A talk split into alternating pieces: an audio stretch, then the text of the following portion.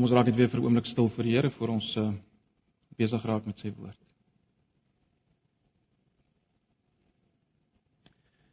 Here baie dankie dat ons nou in u teenwoordigheid kan wees. Ons kan weet u is hier want ons is u liggaam.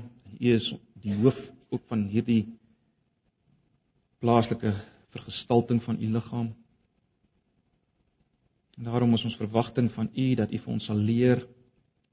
U ons denke ook weer eens maar net sal nuut maak vanoggend rondom dit wat u verlang Ag Here, ons gebed is dat U ons so sal verander dat ons hele lewe, elke aspek, elke klein oomblikie van ons lewe gerig sal wees op U dit wat U groot maak. U lig op U laat val. Ag Here, kom en kom werk in ons midde vanoggend. Ons bid vanoggend vir elkeen wat nie hier kan wees nie, die wat miskien alreeds weg is die wat siek is. Ken hulle elkeen. Ons dra hulle op aan U. Here ons dankie vir oggend dat die operasie wat hom Mike Stok ondergaan het suksesvol was. Dat hy nou aanst, kan aansterk by die huis. Bid, bid vir hom en Tanhilda dat U werklik waar vir hulle in hierdie tyd ook nuwe krag sal gee na hulle arbeid in Mosambiek julle weer nuwe krag sal gee vir u en vir dit wat u nog wil hê hulle moet doen. Ons dra hulle op aan u. Ag en Here al die ander in ons gemeente wat deur moeilike tye gaan. Emosioneel. Fisies, geestelik. Ag Here, u ken hulle. Ons dra hulle aan u op en ons vra u dat u ook vir ons as 'n gemeente, elkeen van ons meer bewus sal maak van al die nood in ons eie geleedere, maar ook daar buite. Asseblief, Here. Ons vra dit waarlik net in Jesus se naam. Amen.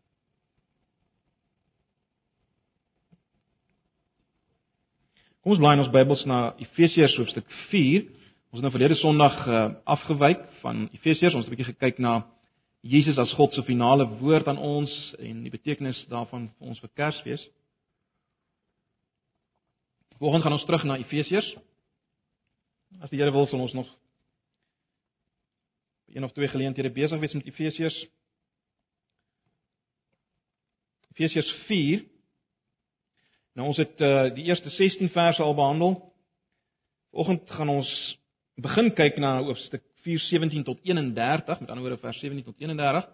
Ehm um, vanoggend redelik ehm um, inleidend en oorsigtelik en dan as die Here wil sal ek by nog by een of twee geleenthede 'n bietjie meer insak. Ehm um, in hierdie gedeelte. Maar kom ons lees net vanoggend vers 17 tot 31 van Efesiërs hoofstuk 4. In die naam van die Here doen ek 'n ernstige beroep op julle, moenie langer soos heidene lewe nie. Hulle gedagtes lei tot niks. Hulle verstand is verduister en hulle het geen deel aan die lewe wat God skenk nie. Omdat hulle hardnekkig in hulle onkunde volhard. Hulle het heeltemal afgestomp geraak en hulle met 'n onversadigbare drang aan losbandigheid oorgegee om al wat vuil is te doen. Maar dit is nie hoe julle Christus leer ken het nie. Julle het tog van hom gehoor en omdat julle sy volgelinge is, is julle onderrig volgens die waarheid wat in Jesus is. Hou dan op om te lewe soos julle vroeër geleef het. Breek met die ou sondige mens in julle wat deur die sondige begeertes verteer word. Julle gees en gedagtes moet nuut word. Lewe as nuwe mense wat as beeld van God geskep is. Lewe volkome volgens die wil van God en wees heilig. Nou dat julle die valsheid afgelê het, moet julle onder mekaar die waarheid praat. Want ons is lede van dieselfde liggaam. As jy kwaad word, moenie sondig nie en moenie 'n dag kwaad afsluit nie. Moenie die duiwel vat kans gee nie. As iemand 'n dief is, moet hy ophou steel en hy moet deur harde werk op 'n eerbare manier self in sy lewensonderhoud voorsien. Dan sal hy iets hê om vir die armes te gee. Vuil taal moet daar nooit uit jou mond kom nie. Praat net wat goed en opbouend is volgens die eis van omstandighede sodat dit julle hoorders ten goeie kan kom. En moenie die Heilige Gees van God bedroef nie. Want hy het julle as die eiendom van God beseël met die oog op die verlossingsdag. Moet nooit verbitter of opvleend wees of woedend word. Moenie vloek of skel nie, moet niks doen wat sleg is nie. Wees goedsgesind en hartlik teenoor mekaar en vergewe mekaar soos God julle ook in Christus vergewe het. Dis net daar. Nou broers en susters, ek dink uh, julle het seker almal waarskynlik die grappie gehoor van die uh, die klein dogtertjie wat uh, vir die eerste keer 'n donkie sien. En dan sê sy vir die donkie: "O, jy moet seker 'n Christen wees, want jy lyk soos my oupa." Nou, haar oupa was was waarskynlik iemand wat die indruk van half dood en onvriendelik gegee het, soos 'n donkie. Het jy al mooi na 'n donkie gekyk? Donkie lyk altyd ietwat treurig, half dood, gevrek soos ons sê. Maar broers en susters, of ons nou dink die grappie snaaks uh of relevant of nie, ek dink tog dit weerspieël weerspieël iets van wat baie van ons tog nog onderliggend in ons ronddra rondom Christen wees en miskien veral rondom heiligheid. Miskien miskien veral rondom heiligheid.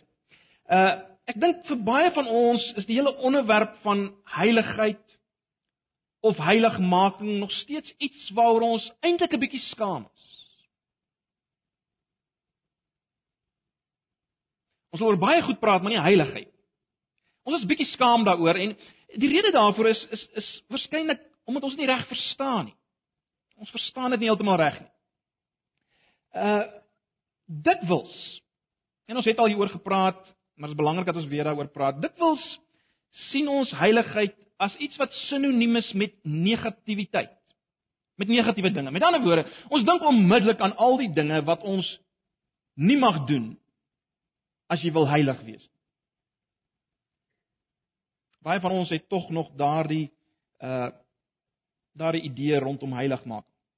Ehm um, vir baie van ons is dit is is heiligmaking gelyk aan bietjie abnormaal wees. Met ander woorde, dis nie regtig hoe mense is nie. Dis nie regtig hoe mense bedoel is om te wees nie. Dis bietjie abnormaal en daarom uh, is heiligheid en mense wat heilig is, dis gelyk aan aansit oordryf en ja, selfs skynheiligheid. Selfs skynheiligheid. En meer nog, dit ons dink ons aan heiligheid as gelyk aan antisosiaal.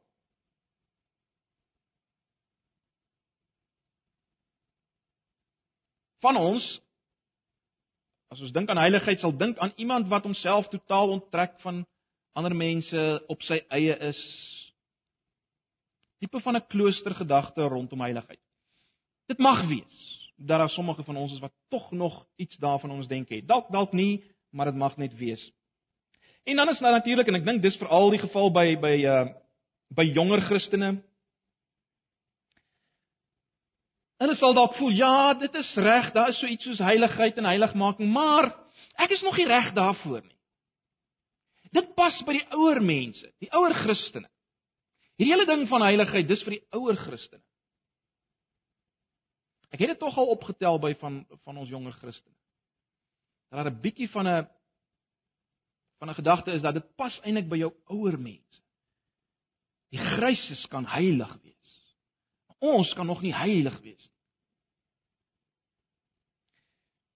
Nou broers en susters. Hier in Efesiërs 4 praat Paulus let wel met gewone Christene. Van alle ouderdomme. En uh, ons weet byvoorbeeld dat kinders hier teenwoordig is as hy skryf want uh, in in Efesiërs 5 spreek hy die kinders aan, Efesiërs 5 en 6. Hoe dit ook al sê, hy praat met gewone Christene en let op wat sê hy in vers 24 baie pertinent. Lewe as nuwe mense wat as die beeld van God geskep is, lewe volkome volgens die wil van God en wees heilig. Wees heilig. Hy sê dit pertinent, duidelik en let wel, ek sê vir al hierdie gewone Christene wat tot geloof in Jesus Christus gekom het. En die meeste van hulle let wel is nog baie baie jong Christene. Die meeste van hulle terloops uh is waarskynlik jonger Christene as ons gewees toe hierdie brief hulle bereik. En hy sê vir hulle wees heilig. So ek wil hê ons moet net kyk na 'n paar inleidende opmerkings, stellings rondom heiligheid wat wel uh, na vore kom in hierdie gedeelte. So ek sê ons gaan nog by een of twee geleenthede na hierdie gedeelte kyk, 'n bietjie dieper insak. Eerstens dan net 'n paar in, inleidende opmerkings rondom heiligheid. En die eerste ding wat ons sien in die lig van vers 24 uh maar ook in die lig van vers 17 waar Paulus sê in die naam van die Here doen ek 'n ernstige beroep op julle moenie langer soos die heidene leef nie. So vers 17 en ook vers 24 waar hy nou pertinent gesê het wees heilig. In die lig daarvan kan ons sê heiligheid is nie opsioneel vir 'n Christen. Met ander woorde, Dis nie iets waaroor ek kan besluit of ek dit wil doen of nie wil doen nie. Dis 'n opdrag en ongehoorsaamheid in die opdrag is gelyk aan natuurlik sonde. Want is ongehoorsaamheid. So die eerste ding sonder om lank daarop uit te brei, die oproep tot heiligheid of heiligheid is nie opsioneel nie. Dis nie iets wat ek kan vat of los as Christen. Dis nie eintlik vir my nie ek is meer net 'n gewone Christen. Nee. Heiligheid is nie opsioneel nie.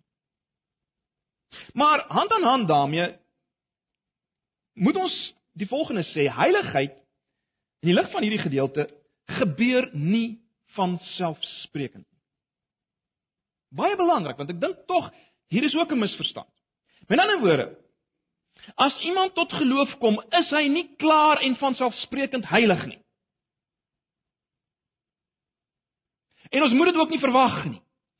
Want ek dink hier maak ons dikwels 'n fout. Ons kyk na mekaar. Hierdie ou is 'n Christen, hoekom doen hy dan nog wel? Hy is nog nie heilig in lewenswandel nie.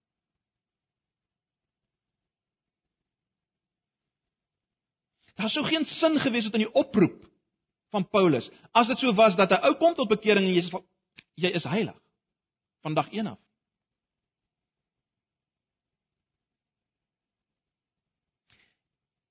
En let wel, dit gebeur nie eers van self of van selfsprekend oor tyd nie.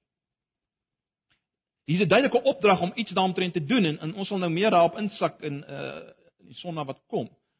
Maar net belangrik om dit nou te sien. Met ander woorde om dit anders te stel, dis moontlik.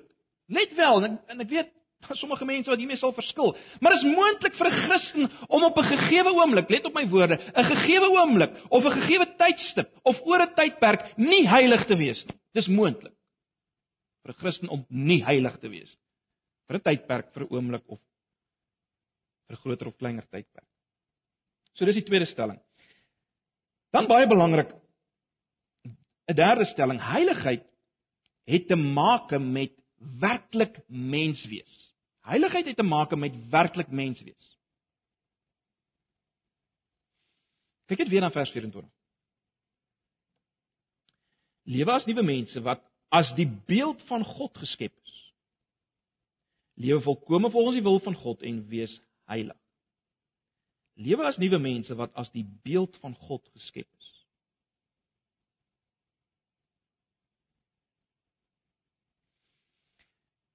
Paulus sê hierdie mense hierdie mense aan wie hy die oproep doen om heilig te wees, moet lewe as mense wat na die beeld van God geskep is. As die nuwe mense wat na die beeld van God geskep is. Nou julle sal weet om na die beeld van God geskep te wees, lê aan die aan die begin van menswees as ek dit so kan stel. Dis die basis van menswees in Genesis, né? Nee, God het die mens geskape na sy beeld. Menswees is beeld van God wees. Maar ons weet ook dat uh, die sondeval het natuurlik hierdie menswees uh liderlik vermink Maar dan verskyn Jesus.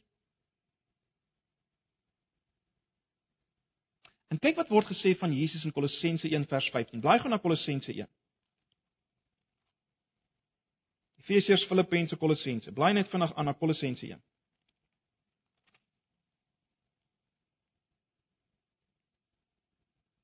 Kolossense 1 vers 15. Die seun is die beeld van God. Van God wat self nie gesien kan word nie. Die Seun is die eerste verhewe bo die hele skepping. Die Seun, Jesus, is die beeld van God. Met ander woorde, as jy na Jesus gekyk het, het jy gesien wat God aanvanklik bedoel het vir mense. Hoe mense moet lyk. Mense was bedoel om God sigbaar voor te stel in menslike vorm en Jesus kom en hy stel God voor in menslike vorm. Hy is die beeld van God. Jesus is waarlik mens. As jy wil weet, broers en susters, as ons wil weet hoe moet mens wees werklik lyk?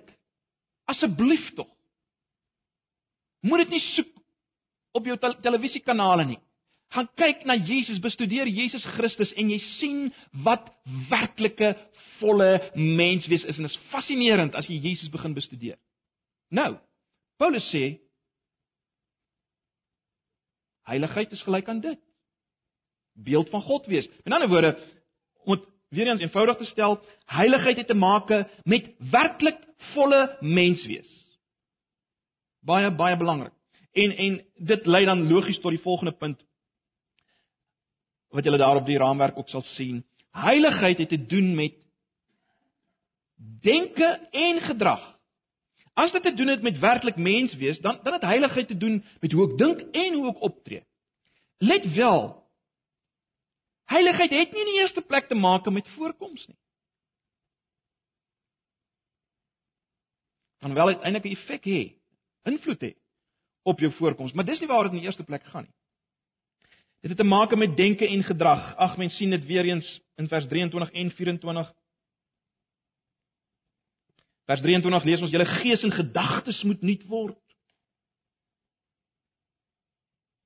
En dan vanaf vers 24 lewe as nuwe mense en uh uiteindelik alles wat wat uh, vanaf vers 25 genoem word het te doen met lewe. Alledaagse lewe. Dan baie belangrike volgende punt. Heiligheid of heiligmaking as jy wil. Heiligheid of heiligmaking gebeur nie vind nie plaas los van die liggaam van Christus. Met ander woorde los van die kerk van Jesus Christus. Broers en susters, kom ons onthou net weer die hele konteks van Efesiërs tot dusver. En dis iets wat my ongelooflik gegryp het toe ek besig was met hierdie boek tot dusver. En ek hoop julle sien dit raak. Reeds hier in hoofstuk 1 vers 9 en 10 sê Paulus vir ons dat God se uiteindelike doel met alles is om almal onder een hoof Jesus te verenig. Dit gaan oor 'n nuwe groep mense, 'n mensheid onder een hoof Jesus Christus. Ons sien dit reeds in hoofstuk 1 vers 9 en 10. Dan in hoofstuk 1 vers 23 sê Paulus dit eksplisiet.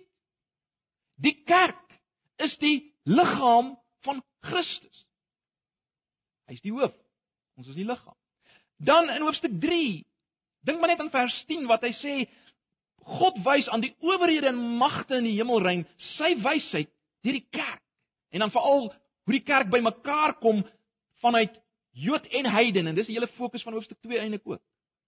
Die kerk gaan oor die bymekaar kom. Jesus se verlossing sien ons in hoofstuk 2 het alles te maak met mense uit verskillende groepe agtergronde en kulture wat in een liggaam saamkom. Dit gaan nie net oor my individuele verlossing en regverdigmaking nie. Net so deel van die verlossing is hierdie bymekaar kom. Dit gaan oor hierdie liggaam.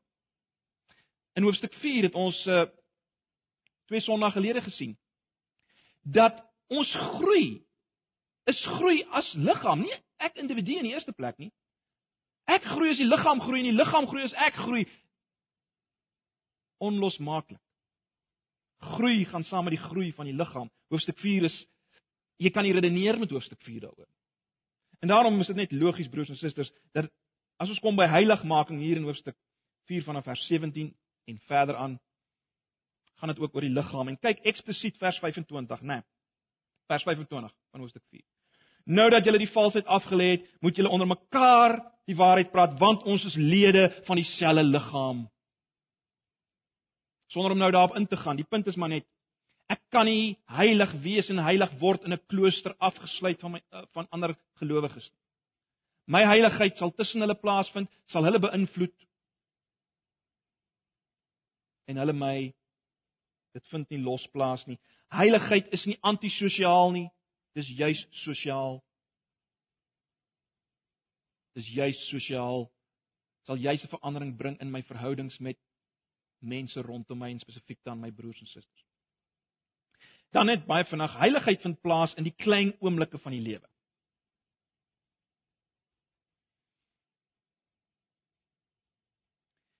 As mens kyk na vers 24 tot 31, sal jy sien heiligheid vind plaas in praktyk in die klein dingetjies van die lewe, nê, nee, in die in die manier van hoe jy praat met iemand. In kwaad word. Hierdie dinge. In ander woorde, hoe jy optree in die oggend as jy op pad is na die erediens toe met jou man en vrou en kinders met mekaar en kinders met ouers. Dis dis waar heiligheid plaasvind of nie plaasvind. Dis om vergeet van die groot dinge en die moeder Teresa's ensovoorts. Dit vind plaas in die klein oomblikke van die lewe.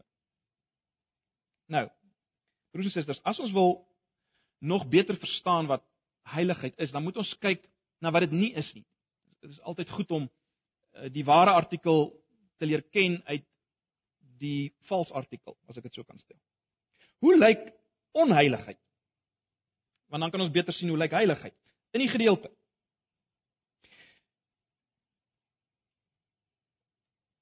Wel vanaf vers 17 of in vers 17 sien ons Paulus sê daar seker iets wat hierdie gelowiges moet stop, nie meer moet doen nie. Hy sê hulle moenie meer lewe soos heidene nie. Nou baie belangrik. Uh hierdie mense was heidene. Bedoelende hulle was nie Jode nie. So as ons lees hier van moenie langer lewe soos die heidene nie, Paul dan praat Paulus nie van die van die slegste segment onder die heidene nie. Uh die skuim daar buite nie.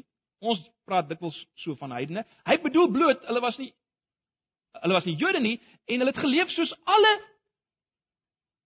nie Jode van die tyd geleef het. In ons konteks moenie langer lewe soos mense wat nie Christene is nie. Punt. Dis waar dit gaan. Nee, nie nie die ergste van die ergste nie. Net soos normale goeie nie Christene lewe.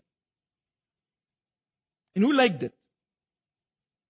Hoe lyk hierdie onheiligheid? Want dit is onheiligheid. Hoe lyk dit? Weerens, hy begin nie met uiterlike dinge of optrede nie. Jy sal sien hy begin en hy sê: Moenie langer soos heidene lewe nie vers 17b. Hulle gedagtes lei tot niks. Dis die eerste ding wat ons raak sien. Hulle denke is sonder doel. Dis totaal leeg en rigtingloos, dis sinloos. Met ander woorde, daar's nie 'n vaste punt in hulle denke wat alles as te ware wat hulle doen en dink saam snoer nie. Hulle gedagtes lei tot niks. Dis die eerste kenmerk van onheiligheid en van 'n nie Christen. Hoekom is hulle denke sonder doelgerigtheid? Wel, let op, Paulus sê hulle is verduister in hulle gemoed. Vers 18, hulle verstand is verduister. Nou is interessant, dwars deur die Bybel word uh, waarheid in verband gebring met lig en duisternis met onkunde. En Paulus gebruik dan presies ook die woord onkunde in vers 18. Julle sal dit sien.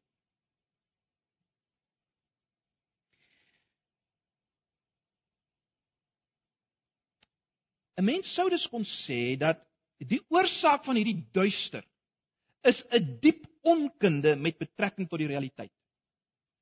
Ek sê weer, Die oorsaak van hierdie duisternis waarvan Paulus praat is met ander woorde 'n diep onkunde oor die realiteit. En ek sê 'n diep om onkunde spesifiek, want daar is so iets soos oppervlakkige kennis onder nie-Christene, onder onheiliges.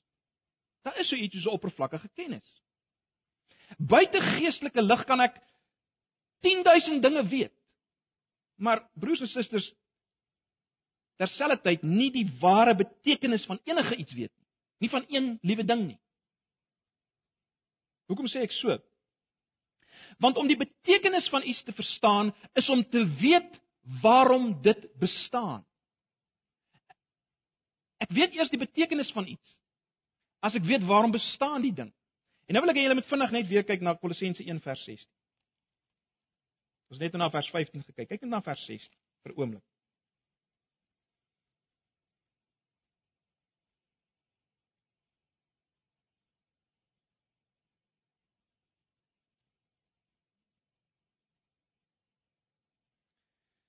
Vers 16 van Kolossense 1. God het deur hom, dit is nou Jesus, alles geskep wat in die hemel en op die aarde is. Alles wat gesien kan word en alles wat nie gesien kan word nie. Ook die engele om sy troon en al die geestelike magte en, en let op, alles is deur hom en vir hom geskep.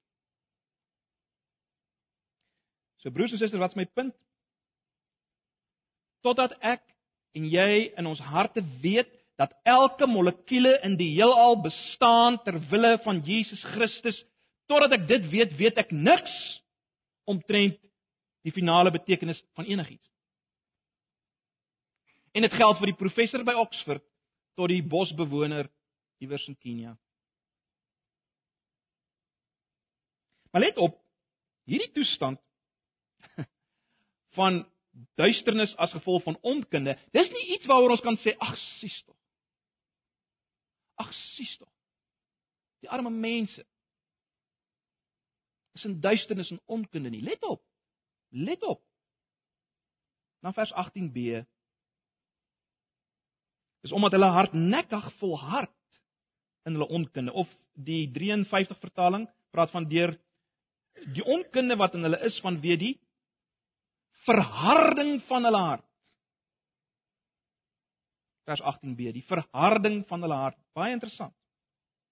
Jy sien, my en jou diepste probleem buite die vrye soewereine genade van God, my en jou diepste probleem is die feit dat my hart is verhard teenoor God.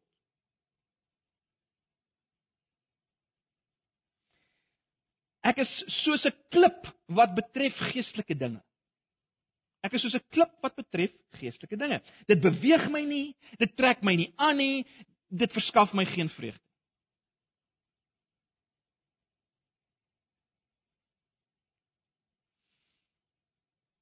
Maar dit is baie belangrik om te sien dat Paulus sê hier is sprake van 'n verharding. Met ander woorde, ek is skuldig aan my onkunde en my denke wat tot niks lei nie. Ek is skuldig volgens hierdie gedeelte. Met ander woorde, dis nie as gevolg van 'n tekort aan waarheid of 'n tekort aan bewyse nie dat ek in onkunde is en in duisternis. Dis nie asof omdat daar nie genoeg bewyse is nee. Dis as gevolg van die verharding in my hart. Jesus self sê dit, nee, hy sê mense het die duisternis liewer as die lig, so hulle kies dit. hardheid. En broers en susters, nou eers kom Paulus by gedrag. Jy sien die probleem is eerstens hier in die denke. Nou eers kom hy by gedrag vanaf vers 19. En baie interessant, gaan lees nou maar Romeine 1 vanaf vers 18. baie bekende gedeelte. Daar sien ons dieselfde volgorde, né? Nee, Paulus begin om te wys dat mense doelbewus in hulle denke hulle wegdraai van God en dan gebeur daar iets fascinerends. Dan sê Paulus in Romeine 1 vanaf vers 18 en verder, uh hy sê dat God gee mense dan oor aan allerlei onreinheid. Met ander woorde, dit wat hulle eintlik kies en verkies, wel God laat hulle toe daarin. Maar dit begin hier. Dit begin hier in jou kop, in jou denke. So dit bring ons by vers 19. Vers 19 van hoofstuk 4. Hulle het heeltemal afgestomp geraak en hulle met 'n onversadigbare drang aan losbandigheid of as jy die 53 vertaling het uh, ongebondenheid oorgegee om al wat vuil is of meer letterlik alle soort onreinheid te doen. So Paulus sê daar's eerstens 'n sprake van 'n afgestomptheid. Met ander woorde, uh, letterlik beteken hierdie woord daar's geen gevoel meer van skaamte nie. Hoekom? Want die gevoel van skaamte kom deur die gewete, maar as die denke verduister is, dan dan kan die gewete nie meer werk nie. Jy weet die gewete, mense gewete werk net met wat daar is in jou kop. Daarom is dit so belangrik om die regte goed in jou kop te kry sodat jou gewete jou aankla in die lig daarvan en nie in die lig van verkeerde inligting. Jy sien as jy groot geword het met die waarheid dat koffie sonde is, dan gaan jy elke keer skuldig voel as jy koffie drink. Maar dis nie noodwendig in ooreenstemming met die waarheid. Maar goed, hoe dit ook al sê, as jou denke verduister is, dan raak jy afgestomp want jou gewete kla jou nie meer aan nie. En Paulus sê dit lei tot losbandigheid of ongebondenheid. uh die gedagte hier in hierdie woord is dat niks hou my meer terug as dit kom by morele dinge nie. Niks hou my meer terug. Ons kan dit ook heeltemal anders stel. Ons kan sê wanneer 'n persoon onkundig is omtrent die ware betekenis van dinge, sal daardie persoon begin om sy doel in die lewe iets anders as God te maak. En nou word as daar hierdie onkunde is, dan sal 'n persoon sy doel in die lewe iets anders maak as God. Dit mag wees die bevrediging van sy liggaam. Dit raak die doel in sy lewe. Die bevrediging van sy liggaam, of dit nou is met seks, drank, dwelms, kos of sport. Dis die bevrediging. Dis sy doel. Of dit mag die bevrediging van sy ego wees. Baie mooi geraffineerde intellektuele en kulturele dinge. Maar dis sy doel. Terloops, interessant broers en susters, daar word gepraat van letterlik alle soorte onreinheid. En daarom gaan dit nie net oor een tipe onreinheid nie. Dit is interessant in die Bybel dat onreinheid het twee betekenisse. Die betekenis van amper vuilheid, morele vuilheid aan die een kant en aan die ander kant die betekenis van vermenging. Ons weet as jy iets bygooi by 'n suiwer glas water, dan raak daai water onrein of vuil. Hoekom? Omdat dit gemeng is. En en dis 'n betekenis wat baie sterk is in die Nuwe Testament, né? Nee. Jakobus 4 vers 8 lees ons sê sê sê Jakobus nader tot God en hy sal tot julle nader reinig die hande julle sondaars en suiwer die harte julle dubbelhartiges. Jy sien die gedagte is dat as jou hart nie volkome ingestem is op God, alles wat jy dink en doen ten uiteindelik ten doel het om God groot te maak. As dit nie so is nie, dan dan is jou hart nog gemeng. En volgens God is dit onreinheid. Dis onreinheid. Want dis nie waar die lewe gaan nie. Die lewe gaan oor God. So dan is jou hart onrein en en en ons moet dit in gedagte hou. Allerhande soorte onreinheid. Nou as ons verder kyk vanaf vers 25 aan dan dan beskryf Paulus nog meer uh tot watter tipe gedrag hierdie duisternis van denke, hierdie oorgee aan losbandigheid, hierdie uh afgestomptheid, waartoe lei dit alles? En en is weer eens dis interessant, dis dinge wat in die klein oomblikies van die lewe gebeur. Ek lig dit net vanaf julle uit. In vers 25 word daar gepraat van leuns, nê? Nee. Nou dat jy die valsheid afgelê het. So valsheid of leuns is kenmerkend van hierdie onreinheid. In vers 26 as jy kwaad word, moenie sondig.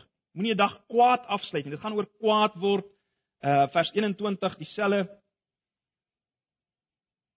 word daar gepraat van woede kwaad word woede.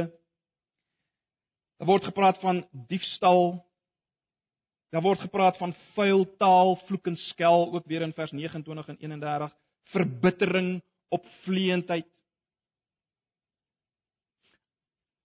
Ek gaan nie nou daarop in nie broers en susters. Al wat ek wil hê julle moet raak sien is dat hierdie dinge is antisosiaal, is dit nie?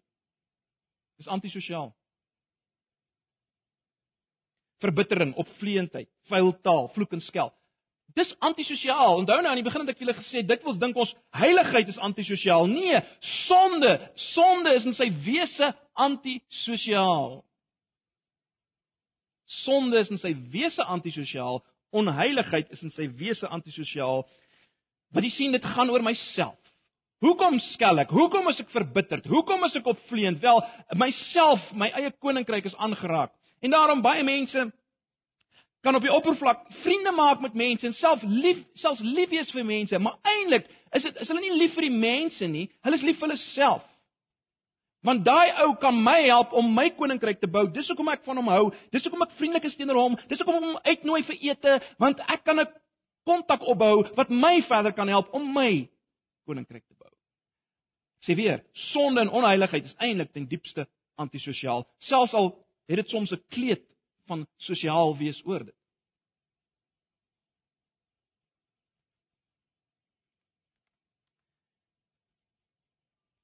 Wat is onheiligheid ten diepste?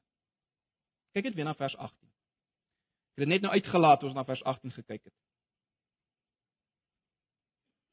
Ek lees die hele vers 18. Hulle verstand is verduister en hulle het geen deel aan die lewe wat God skenk nie. Ag broers en susters. Of die 53 vertaling sê hulle is vervreem van die lewe van God. Jy sien hierdie tipe denke waarvan ons gepraat het wat lei tot al hierdie tipe gedrag. Dit is nie die lewe wat God gee en wil gee nie. Dis nie werklik lewe nie. Ons moet dit raak sien. Dis nie werklik mens wees nie. Dis nie werklik beeld van God wees nie. In die lig van hoofstuk 2 vers 1 tot 3 waarna ons gekyk het, is dit weer eens dood. Dood. Onheiligheid is gelyk aan 'n toestand van dood. Dis nie lewe nie, dis nie werklike vreugde nie, dis nie werklik mens wees nie. En nou broers en susters, wat is die hele punt van Paulus in hierdie gedeelte? Wel, Paulus roep ons op om nie so te lewe nie. Dis nog 'n hele punt, is dit nie? Hy roep ons op om nie so te lewe nie. So wat sê dit vir ons? Dis moontlik vir 'n Christen om nie so te lewe nie. Positief gestel, dis moontlik vir 'n Christen om werklike lewe te hê soos God dit bedoel het. Dis moontlik nou vir my en jou as Christen om die lewe te leef wat God bedoel het vir ons as mense om beeld van God te wees. Om al meer om dit so te stel, soos Jesus te leef soos hy was op aarde, dis moontlik. Ons moet net reg dink daaroor. Dis moontlik om in die let wel, klein oomblikies van die lewe. In die oggend voor jy na die erediens toe kom, voor die kinders skool toe gaan. Dis moontlik om daar heilig te wees.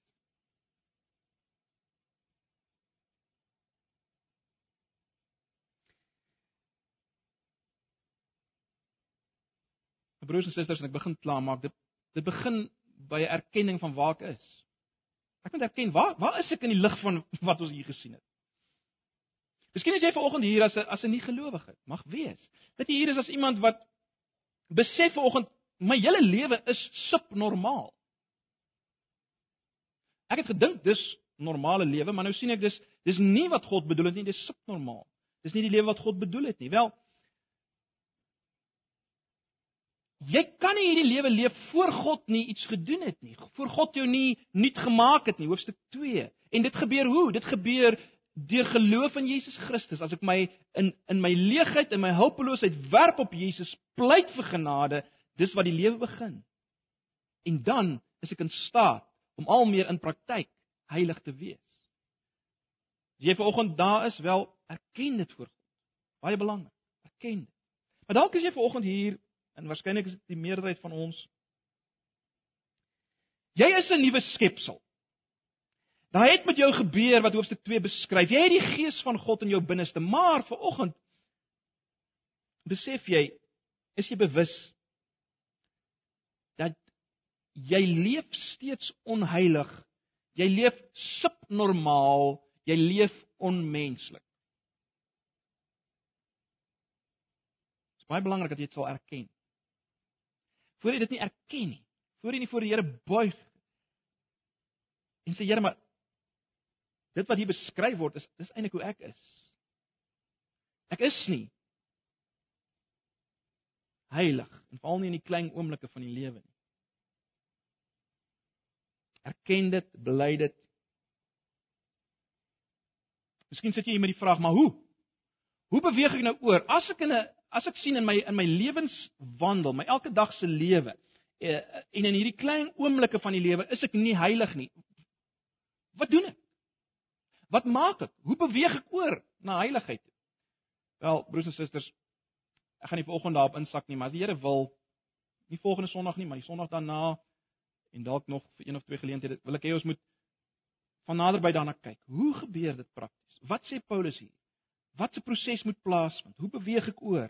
Uh, ek wil hê ons moet kyk na spesifieke dinge, miskien 'n hele kwessie van van woede. Hoe hanteer ek dit as Christen?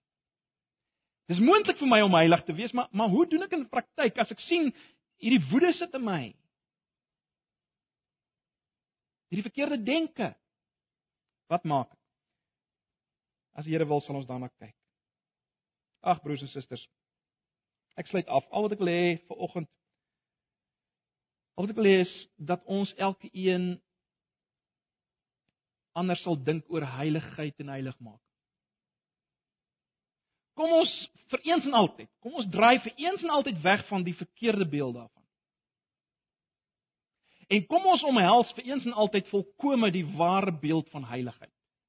Kom ons sê vir mekaar ons wil ware mense wees. Ons wil hê Antipas moet 'n gemeenskap wees van ware mense. Want ons kan nie ware mens wees buite hierdie liggaam nie. Dis want die, onthou, dis die liggaam onthou julle wat in die eerste plek gesamentlik soos Jesus moet word. Dis hier wat dit in plaas vind. Kom ons pleit die Here. Kom ons pleit dat ons as gemeente sal heilig word. In die ware sin van die woord. En daarom ek saam as deel van hierdie gemeente. Ag, mag ons broers en susters al meer bewus word van die feit dat werklike vreugde lê hierin. As dit is waarvoor ons bedoel is, Per definisie sal dit die die plek wees waar ek die meeste vreugde beleef. Heiligheid. Heilig maak. Mag die Here ons help om om nie te dink, nooit weer anders te dink oor hierdie hele begrip heiligheid, heilig maak nie. Mag die Here ons help om om ook in die in die praktyk te verstaan hoe dit werk, hoe kan verander. Kom ons bid saam. Here baie dankie vir u woord.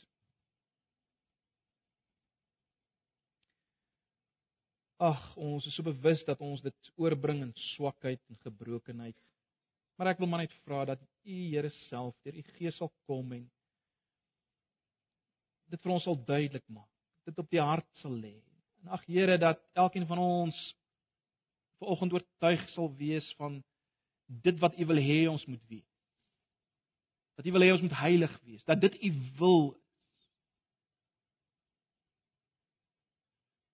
dat dit is waarvoor hy ons geskep het. En as dit is waarvoor hy ons geskep het, Here, dan dan leef ons subnormaal, abnormaal as ons nie heilig is. En dan leef ons teen ons eie grootste vreugde en blydskap. Ag, Here. Kom werk in ons midde. Kom werk in ons gemeente, asseblief. Verander ons deur die woord en deur die gees. Ons vra dit in Jesus se naam. Amen. Kom ons sluit af met 'n laaste